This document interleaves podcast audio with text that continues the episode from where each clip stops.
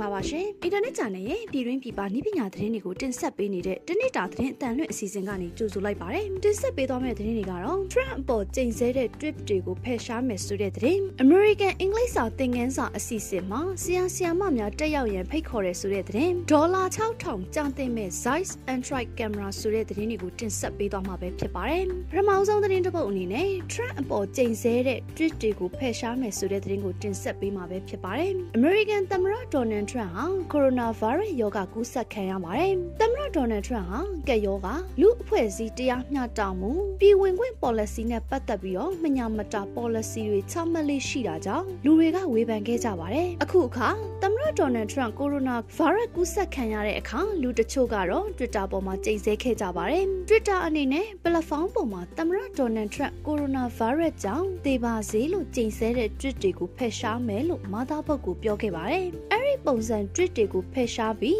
အကောင့်ကိုလည်း read only mode အဖြစ်ပြောင်းလဲမယ်လို့သိရပါတယ်။ Twitter ဟာ April လနောက်ပိုင်းပြောင်းလဲထားတဲ့စီမင်းအတိုင်းဆောင်ရွက်သွားမယ်လို့သိရပါတယ်။ဆက်လက်ပြီး American English စာသင်ခန်းစာအစီအစဉ်မှာဆရာဆရာမများတက်ရောက်ရန်ဖိတ်ခေါ်ရဲဆိုတဲ့သတင်းကိုတင်ဆက်ပေးမှာပဲဖြစ်ပါတယ်။ American English စာသင်ခန်းစာ Teachers Development Series 9အစီအစဉ်ကိုဆရာဆရာမများတက်ရောက်ရန် American တန်ယုံကဖိတ်ခေါ်ထားပါတယ်။ American English စာသင်ခန်းစာ Webinar Facebook တိုက်ရိုက်ထုတ်လွှင့်မှုအစီအစဉ်ကို American နိုင်ငံသားရေးဝန်ကြီးဌာနပညာရေးနဲ့ယဉ်ကျေးမှုရေးရာဌာနရှိအင်္ဂလိပ်ဘာသာစကားအစီအစဉ်ကစီစဉ်ပြုလုပ်တာဖြစ်ပြီးတော့အင်္ဂလိပ်စာသင်တဲ့ဆရာဆရာမတွေအနေနဲ့အသိပညာတွေသင်ကြားရေးနည်းစနစ်တွေပို့ပြီးတိုးတက်ကောင်းမွန်လို့သူတွေတက်ရောက်နိုင်ပါတယ်။ကမ္ဘာတဝန်းကအင်္ဂလိပ်စာဆရာဆရာမတွေအတွက်ဒီကျွမ်းကျင်မှုပညာသင်တန်းကနေပြီးတော့ကျောင်းသူကျောင်းသားဗဟိုပြုပို့ချမှုမှာကျောင်းသားနဲ့ဆရာဆရာမအကြားအပြန်အလှန်ထိတွေ့သင်ကြားသင်ယူနိုင်တဲ့သင်ကြားရေးနည်းစနစ်ဆိုင်ရာအကြောင်းအရာတွေကိုပို့ချပေးမှာပဲဖြစ်ပါတယ်။အဆိုပါအစီအစဉ်ကိုစက်တင်ဘာလ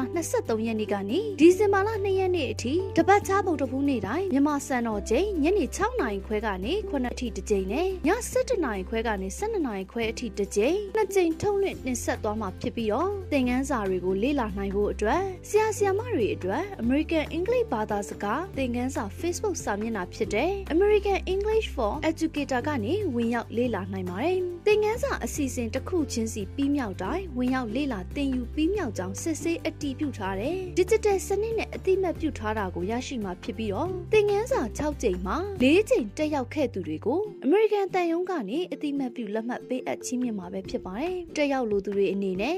www.surveymon.com/r/2020ws9 မှာတွားရောက်စီးရင်ပေးသွင်းနိုင်ပါတယ်။နောက်ဆုံးသတင်းတစ်ပုဒ်အနေနဲ့ဒေါ်လာ6000ကျသင့်မဲ့ Zeiss Android camera ဆိုတဲ့သတင်းကိုတင်ဆက်ပေးမှာပဲဖြစ်ပါတယ်။ Zeiss ဟာလွန်ခဲ့တဲ့နှစ်နှစ်ကမိတ်ဆက်ခဲ့တဲ့ ZH1 camera ကိုမကြခင်ရောင်းချပါတော့မယ်။အဲ့ဒီကင်မရာကိုဒေါ်လာ6000နဲ့ကြိုတင်မှာယူနိုင်မယ်လို့ B&H Photo Email ကနေတဆင့်ထုတ်ပြန်ခဲ့ပါတယ်။ Zeiss ZH1 ကင်မရာဟာ